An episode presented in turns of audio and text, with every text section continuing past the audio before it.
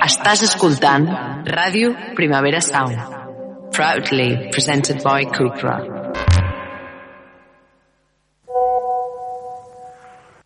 Bueno, s'ha acabat. Vaig a catalanitzar aquest sticker, el faig servir massa. La Clàudia Rius, la Paula Carreras, la Rita Roig i l'Ofèlia Carbonell són gent de merda. I tu també.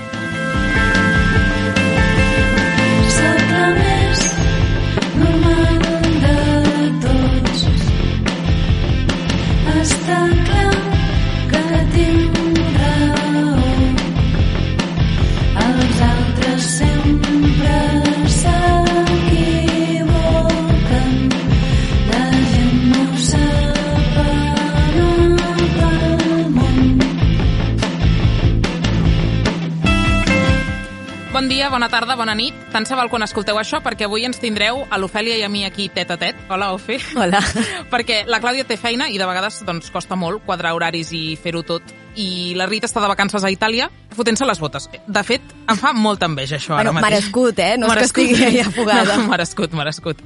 Um, doncs això, la Rita ara mateix m'està fent molta enveja d'una banda perquè mm, jo he de dir que el meu crash geogràfic és clarament Itàlia, que això no em fa gens especial, però el crash va ser tan fort que en el seu dia vaig estudiar italià i a més a més vaig aprendre algunes receptes que em queden que, bueno, el tiramisú, el tiramisú que faig jo, bueno, el cas és que um, no me n'amago, sóc una tia de vida, m'agrada viure bé i sobretot m'agrada menjar bé. Gaudeixo de tot el que envolta una bona taula, la recol·lecció dels ingredients, el temps als fogons, el fet de ser anfitriona i, doncs per descomptat, m'agrada molt el moment de menjar-s'ho tot, no? I llavors, la sobretaula també m'agrada molt, la sobretaula sempre és important, de fet, sóc la típica que fa com dos cafès quan va als llocs.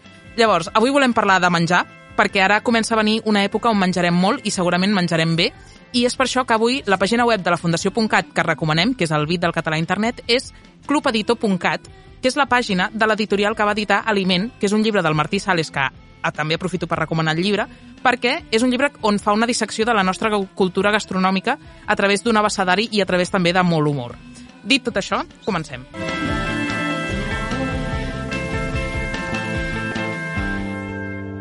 Aviam, avui per parlar de menjar he stalkejat a una persona que quan ens va fer triar entre xocolata negra amb llet o blanca ens va respondre que menys mal que ningú ha triat la blanca i només per això hi ha sempre aquesta tia al nostre equip. L'estalquejada a la cara. Quan en un jardí d'amor neix una divina flor.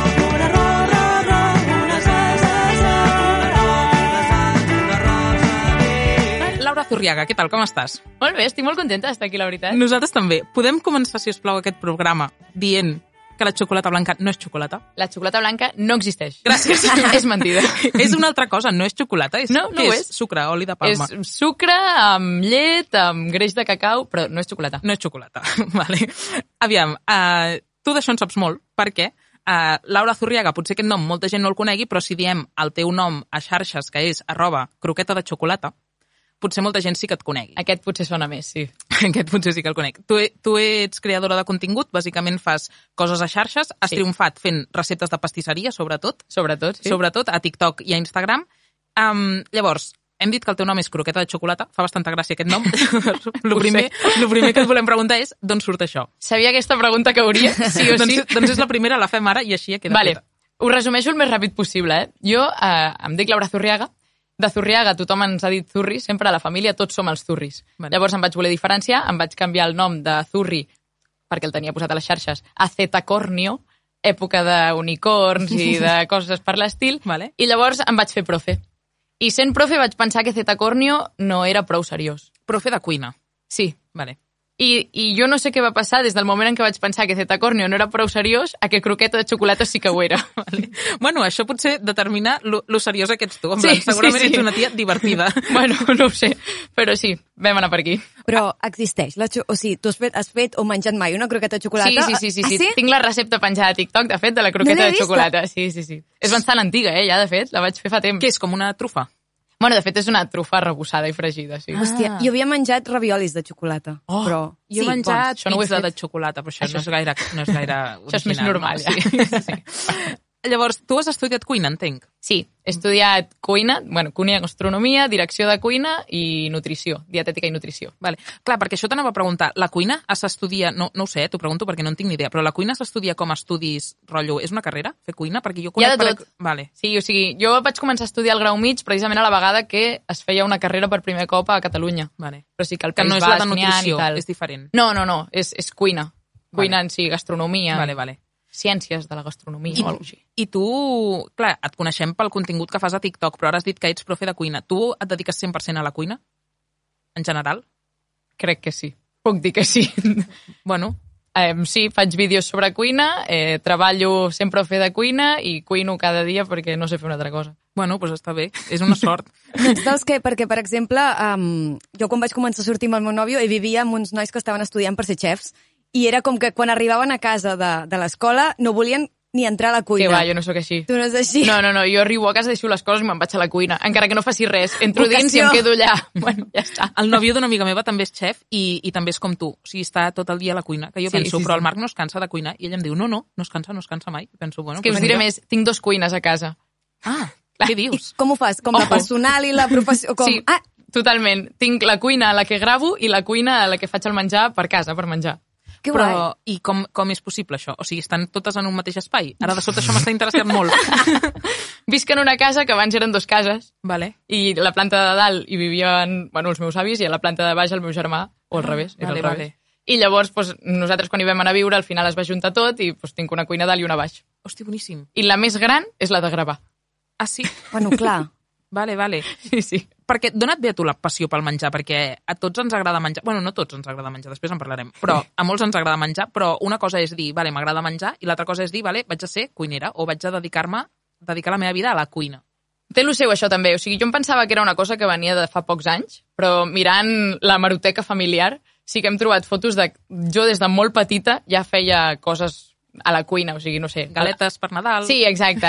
El pa de pessic, el no sé què, aquestes coses m'agrada fer-les. Però realment a mi se'm va despertar el fet de posar-m'hi a estudiar, perquè jo estudiava química, m'anava bastant bé la carrera, però necessitava un peron mental perquè allò era massa dur per mi, i quan vaig parar, eh, a casa em van dir, bueno, pues fes el dinar. No? si no estàs estudiant, pues com a mínim fes el dinar. I allà ho vaig descobrir. ara sap greu que no estigui la Rita, perquè la Rita va entrevistar un cop per la Conca a la Maria Nicolau, que és cuinera, Sí. i una de les coses que la Rita li deia a la Maria Nicolau en aquesta entrevista és que ara em sap greu que està fent com de, de portaveu, eh? però bueno, doncs la Rita li deia que, que, clar, normalment els nens molesten a la cuina. O sigui, com la cosa aquesta de que els pares molts cops diuen ai, no, no tal, no embrut, perquè clar, la cuina embruta. O sigui, de seguida Sí, que, sí, que sí. agafes un pot de farina, allò pot ser un merder fàcil. Llavors, entenc que a casa teva et deixaven cuinar quan eres peque. Bastant, sí. Però sobretot, clar, és que jo mateixa ja tirava cap a la pastisseria, llavors sempre era, si magdalenes, pa de pessic. Al meu pare també li agrada molt cuinar. Llavors el pa de pessic ja el feia ell i doncs, era una mica, ah, anem a fer-lo junts. Clar, com un joc, no? Sí, Pràcticament. sí, sí. Que guai. És que, clar, quan ara, abans t'he dit, a tothom ens agrada menjar. No és veritat, no, no, No. a tothom ens agrada menjar sense que hagi de comportar cap, cap problema de trastorns i tal, però hi ha gent que realment... mm, Sí, és un tràmit. No? És, Exacte, com és gasolina, no? és una necessitat i ja està. Sí. Que, que, o sigui, quan, el, quan algú et diu això, què, què et passa pel cap a tu? No sé, és que jo no ho puc entendre, això. O sigui, entenc el fet de que és un tràmit, però no, no, no em puc posar a la seva pell. O sigui, sóc incapaç. No ho sé. Clar, és que és una Ja. cosa molt sensorial, no? Perquè És que no ho sí, entenc. sí. no pot ser que et sigui igual menjar una cosa que et és igual que una cosa boníssima, no? Clar, o sigui, t'ha de venir de gust allò que dius, oh, no, clar, no sé. no. Ja.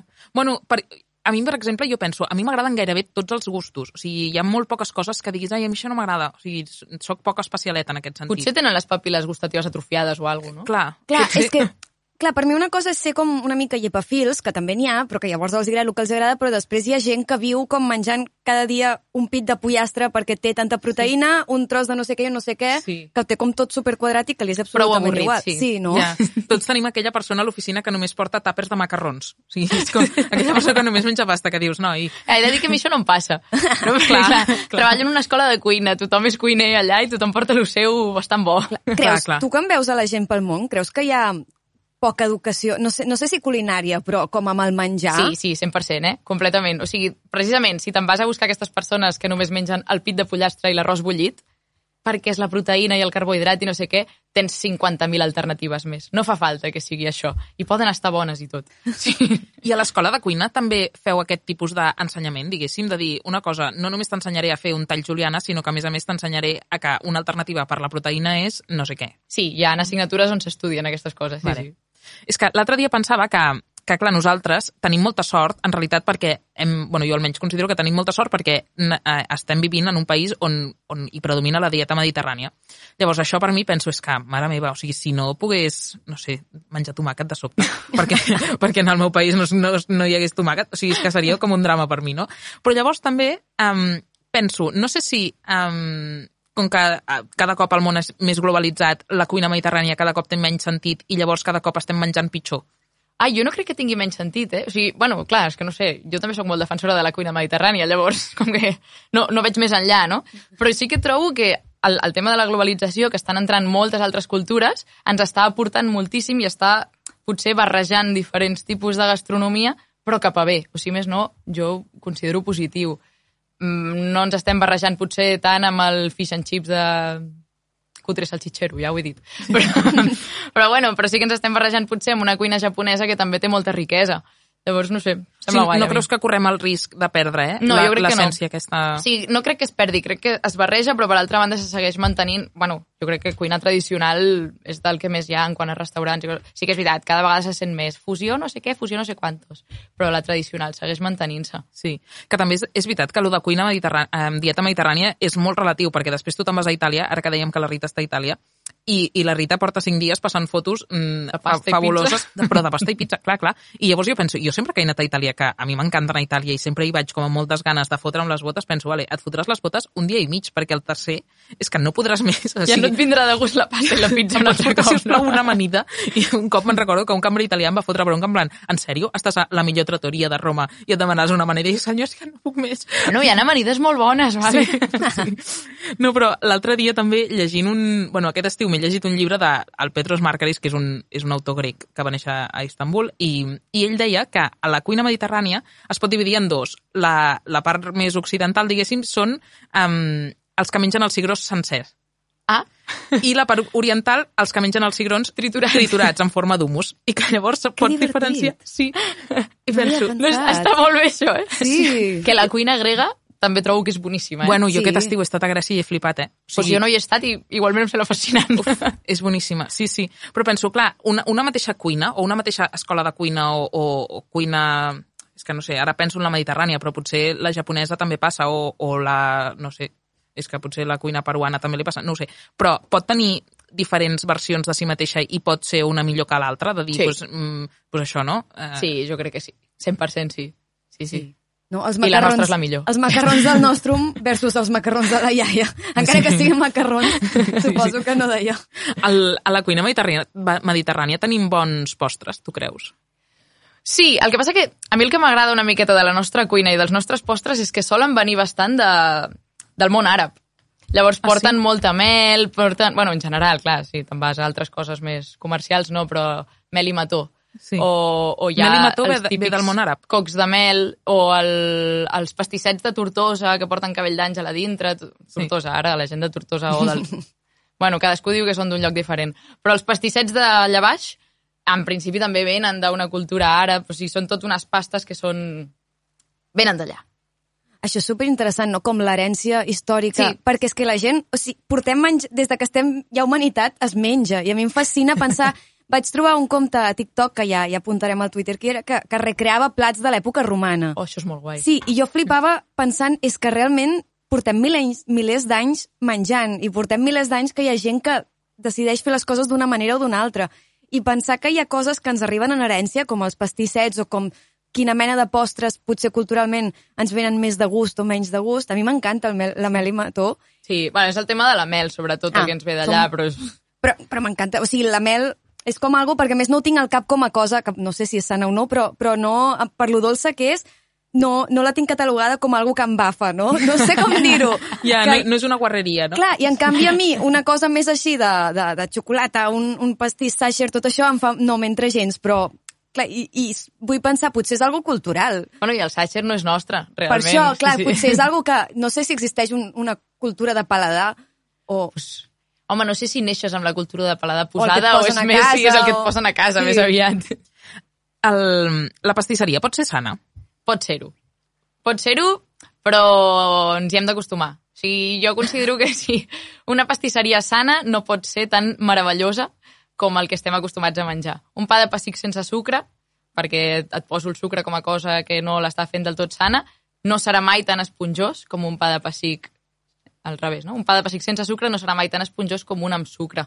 I ens hi hem d'acostumar. I ens hem d'acostumar. O sigui, el, que- el problema és que quan busquem un pa de pessic sense sucre i que sigui sa, això és impossible, perquè si m'has aconseguit un pa de pessic igual d'esponjós i sense sucre, aquí ja has posat alguna que no és bo. Clar. és que saps què passa? Que jo crec també que, que és molt fàcil acostumar el paladar. Sí. O sigui, perquè jo, per exemple, a casa meva els meus pares no prenen sucre amb el cafè mai a la vida. Llavors, jo quan vaig començar a prendre cafè, allò, quan tenia, doncs, no sé, 16 anys o no sé, no, no me'n recordo quan va ser, però jo ja a casa el prenia sense sucre, perquè els meus pares no, no s'hi posaven sucre. I llavors, lo típic, que un dia estàs a la feina i et cau un cafè de la màquina i no, t'has oblidat I de el treure el sucre, sucre, oh. i penso, és que no el puc tolerar, o sigui, No, em no, sembla no. massa dolç. Llavors És penso, és que impossible. això segur que també ha de passar amb, amb totes les altres coses que porten sucre i que, són, i que, el- i que els hi pots treure el sucre, no? Sí, i el problema del sucre sobretot és que tapa els gustos. O sigui, un, un carrot cake, per exemple, que estem tots molt acostumats a menjar-ne, realment té gust a pastanaga o té gust a sucre?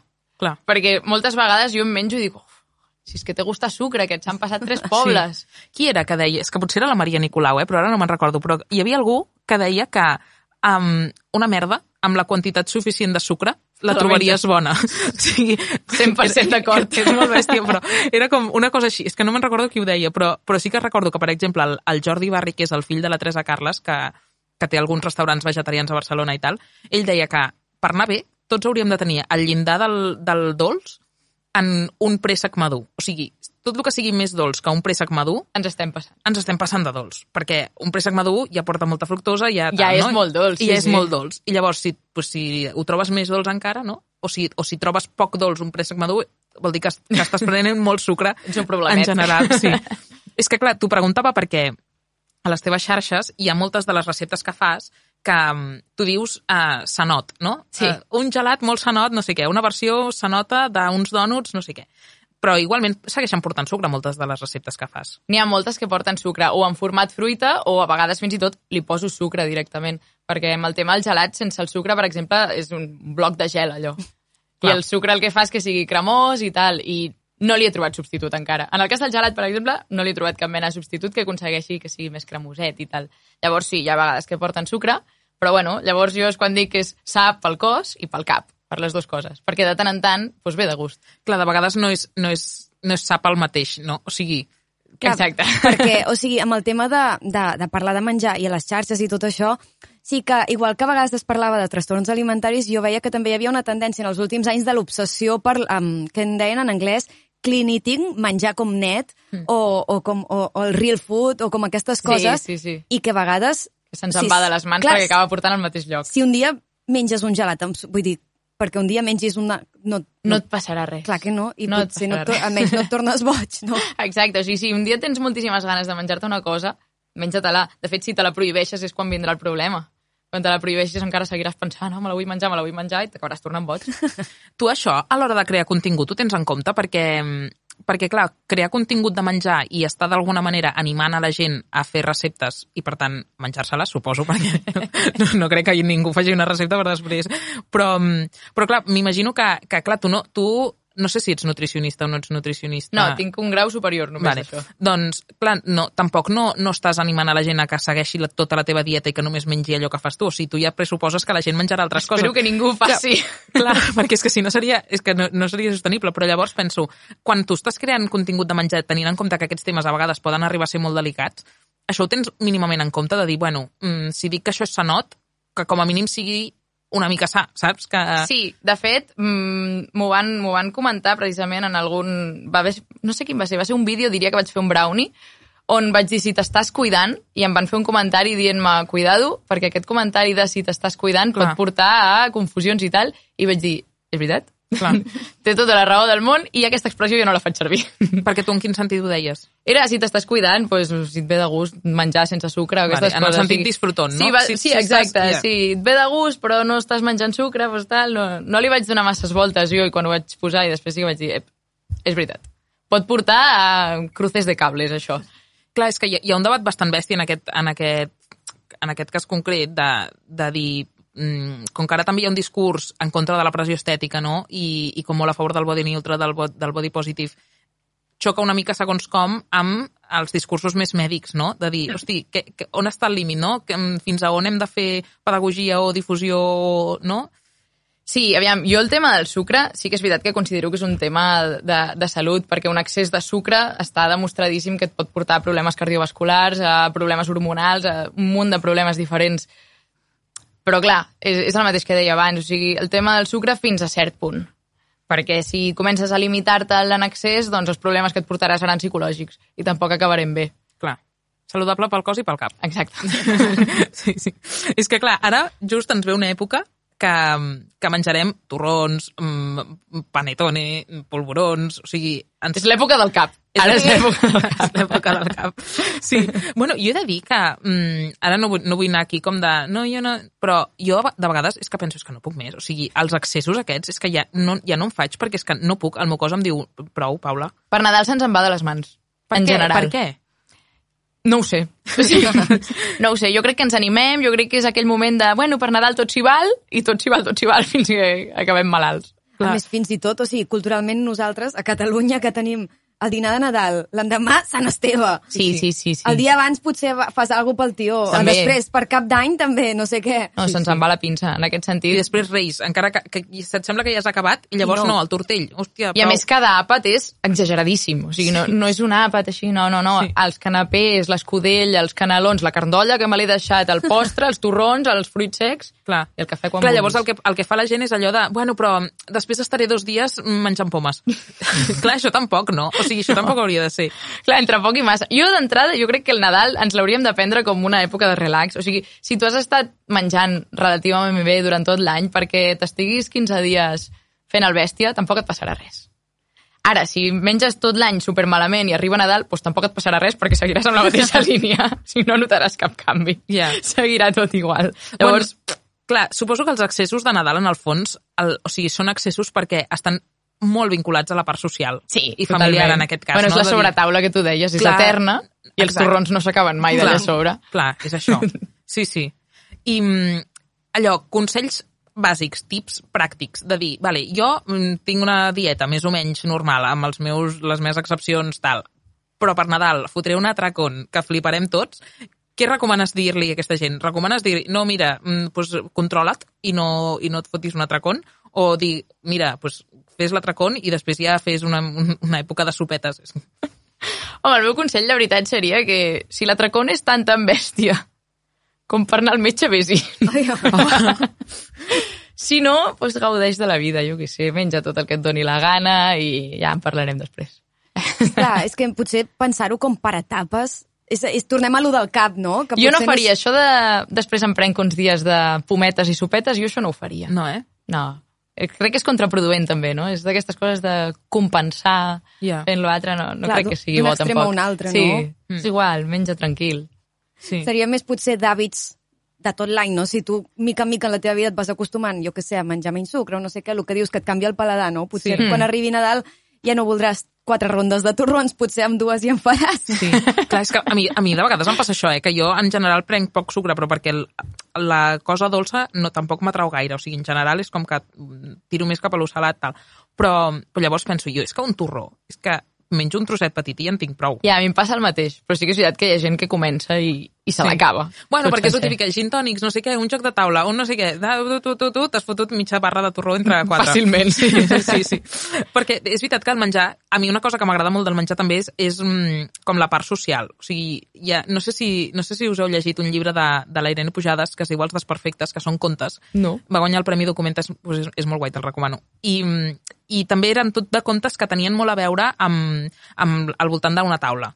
I llavors, a mi això sempre m'agrada molt com la cosa aquesta de la, de la taula i de, la, i de mm, la, la cosa social que té a veure no, que, amb el menjar. I, I llavors, amb la Clàudia l'altre dia, comentant el programa, ella deia una de les coses que podem parlar amb la Laura és um, com actuem quan ens fan, fem els dinars o sopars aquests de pongos, en plan de jo poso casa i cadascú que porti Cadascú una cosa. que porti alguna cosa. Sí. Llavors, la Clàudia vol consells per, per què fer per, no, per evitar la típica truita de patates. És que sabia que sortiria truita. truita de patates envasada, et diré més, eh? I que la persona que la porta diu que l'ha fet ell. No. Ah, no, home, però això tu ho saps sempre hi ho és, saps aquest sempre hi és. Sí, sí, sí, aquestes truites es detecten, a no ser que siguin molt bones, que no sé si n'hi han de gaire bones, però sí, es detecten. No sé, jo buscaria... Aviam, jo estic una miqueta, en, no estic en contra, però estic una miqueta en contra dels canapés. M'agraden els canapés, Vale. però fa molta ràbia perquè els canapés solen ser quantitats potser una miqueta massa grosses i fas 15 tipus de canapés diferents i els vols provar els 15. Llavors, Són molt grossos els canapés. Bueno, a casa meva eren enormes. no sé. Però sí, bueno, com si fossin un quart de llesca de, de pa de motlla. Vale, No? sí. O sigui, si en fas tres tipus diferents no passa res, però si fas 10 tipus diferents Clar. i els vols provar tots... fotent- Clar, jo sóc partidària d'aquests mateixos canapés fer-los en mida mini. O sigui, que d'una llesca en treguis 16. O sigui, un quadrat, doncs, que són superminis, que són superpetits, Vale. però així ja els tastes tots i si vols repeteixes Vale. del que més t'agrada Vale. i no t'has menjat tres entrepans de cop i volta. I així també la taula llueix més. Ah, exacte, queda més mona i tot. Sí. I després, jo crec que el el més típic i que ara es porta bastant i funciona és el tema dels dips, tot el que és humus, eh, el baba ganoush, que és com l'humus d'albergínia, Sí. sí. tot aquest tipus de coses. Molt a favor. És ideal, això. A mi això m'encanta. A més, quedes bé sempre amb això. Sí. Ho col·loques bé i ja està. Això és perquè la Rita volia fer un sopar i la Clàudia ja estava pensant què portaré en aquest És sopar. veritat, és veritat. És que la Rita ara se li ha acudit que vol fer un sopar de Nadal amb amigues. Bueno, pues ja està. Com una mica previ a Nadal. Sí, però no sé si cuinarà la Rita. Jo crec jo vaig entendre que cuinava la Rita. Ah, val. bueno, no sé. Qual- qualsevol cas. Um, una cosa, molta gent també pot ser que et, et, eh, li soni la teva cara perquè tu vas participar a Masterchef. No, No vas participar a Masterchef? no he vale. participat a Masterchef. Ets profe de Masterchef Junior Correcte. Escuela de Verano o alguna així, no? vale. Soc professora de cuina dels campaments Masterchef. vale. Això sí. I, I què vol dir això? Estàs amb nens? Estic amb nens, estic amb nens que cuinen. Nens que els agrada cuinar Oh. i que volen ser masterchefitos. I ho fan bé o què? Hi ha de tot. Ha... Però en general sí que n'hi ha uns quants sempre que dius, hosti tu, què t'han practicat a casa, eh? Vale. És que això també... No sé si... Tu, tu has vist Masterchef, Sí, el sí, programa, i t'agrada? Com a, com a format, de dir... Bueno, Ah, sí. bueno, té coses bones i coses dolentes. vale, vale.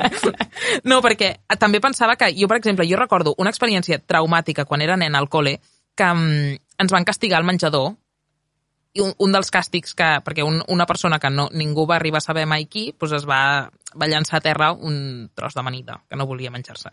I llavors el monitor de menjador de torn va dir ah sí, no digueu, no digueu qui ha sigut, doncs ara us castigo a tots menjant el doble.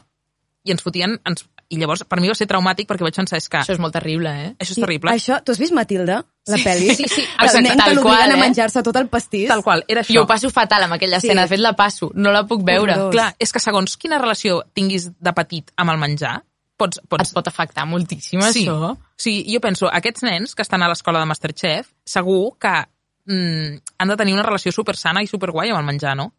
Bueno, si més no, els agrada cuinar i llavors els agrada descobrir coses noves, també, i això sempre està guai. O sigui, sempre tens el típic nen de no, jo esto no lo como, esto no, esto no, i allà, en general, t'ho solen provar tot. I llavors, ah, doncs això m'ha agradat i no pensava que em pogués agradar, saps? I... Ja. Sí, la relació jo crec que és bastant diferent, potser.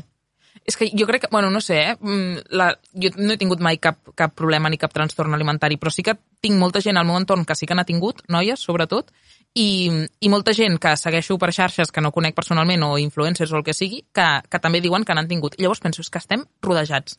Sí. Estem rodejats. Llavors, alguna cosa ha hagut de passar, potser és més de la nostra generació i ara es fa millor, perquè hi ha més educació en aquest sentit, no ho sé, però...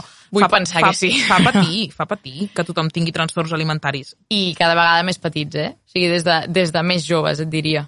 I llavors què vol dir? Que això als nens se'ls ha d'educar gastronòmicament o culinàriament a casa o a l'escola? O... És que jo no sé si és un tema gastronòmic o un tema de, de la imatge que es dona, no? O sigui, el tema de les xarxes socials, que et surtin sempre uns cossos aquí molt petitons, molt primets, molt tal...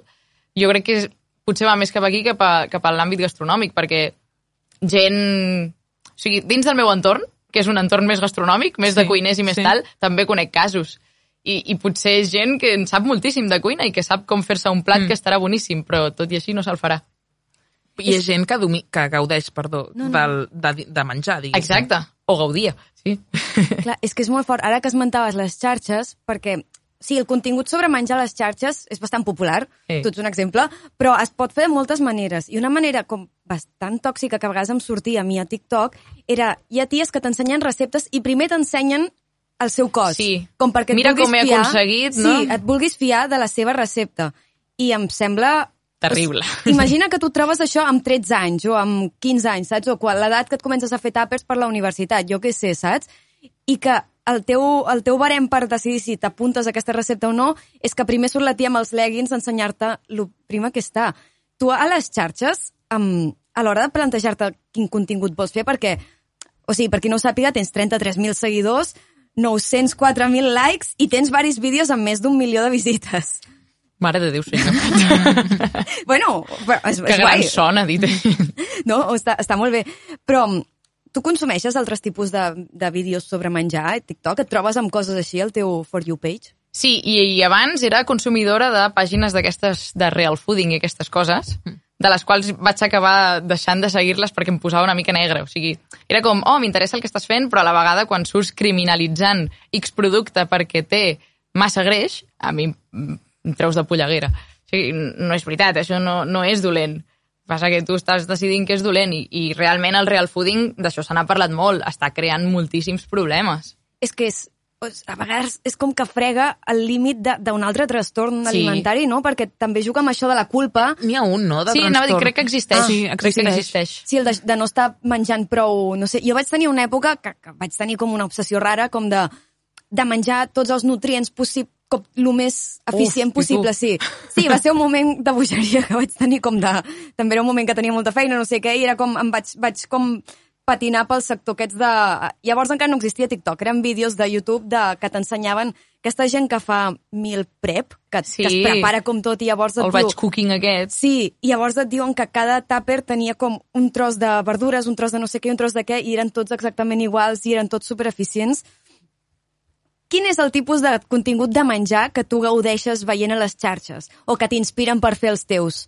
La veritat és que um, consumeixo bastant poc contingut a xarxes, no ens enganyarem, però del poquet que consumeixo eh, són vídeos que normalment són de l'estil del que faig jo, o sigui que són unes mans fent algun tipus d'elaboració sense parlar ni res, una música i prou, i que després marxen i et deixen allà el pastisset fet, sol ser tot pastisseria i sol ser tot molt cookie. Aquests m'encanten.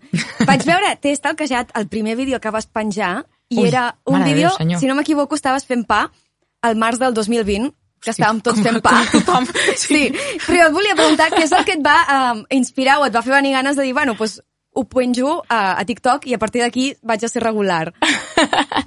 pues mira, en realitat tot això comença per mi a l'agost del 2018, en el que jo dic, ai, m'agradaria pues, crear contingut sobre menjar. Però llavors el que feia era penjar una foto amb la recepta, no sé què.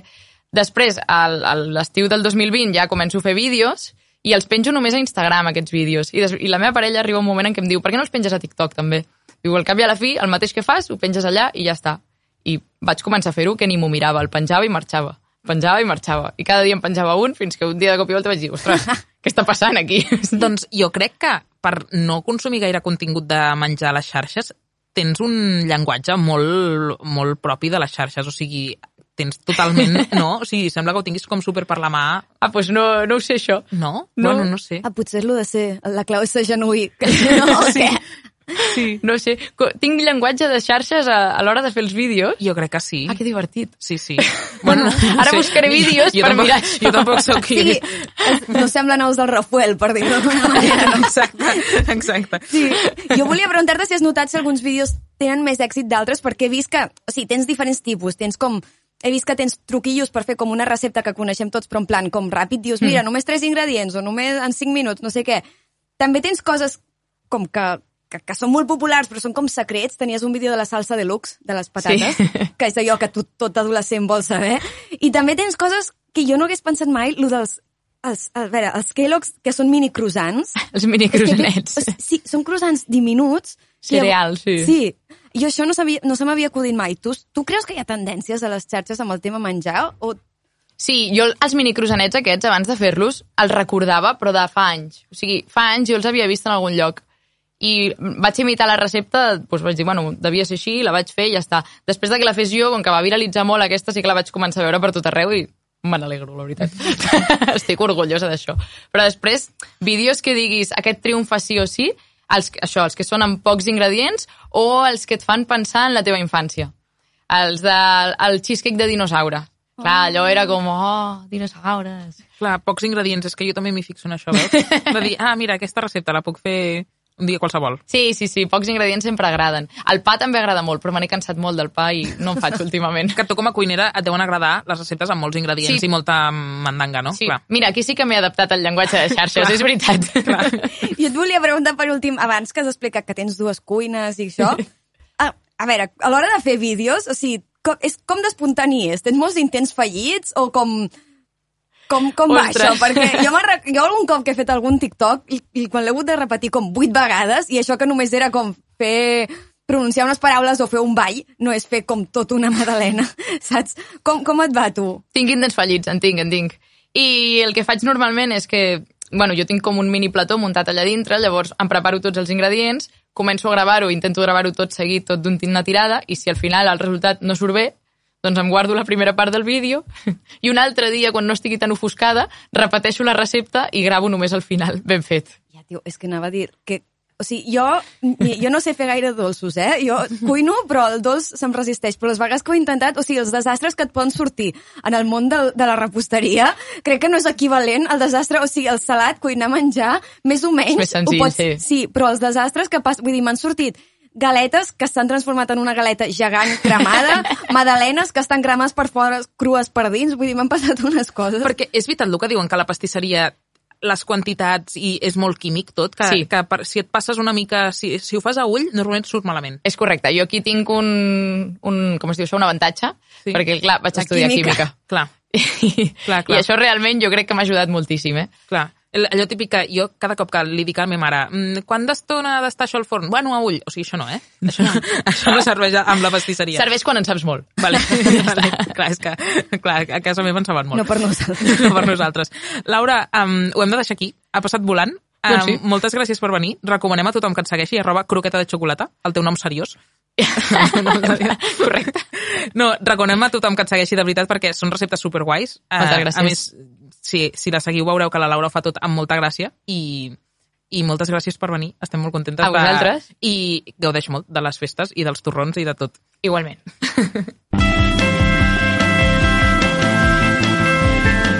Gent de merda.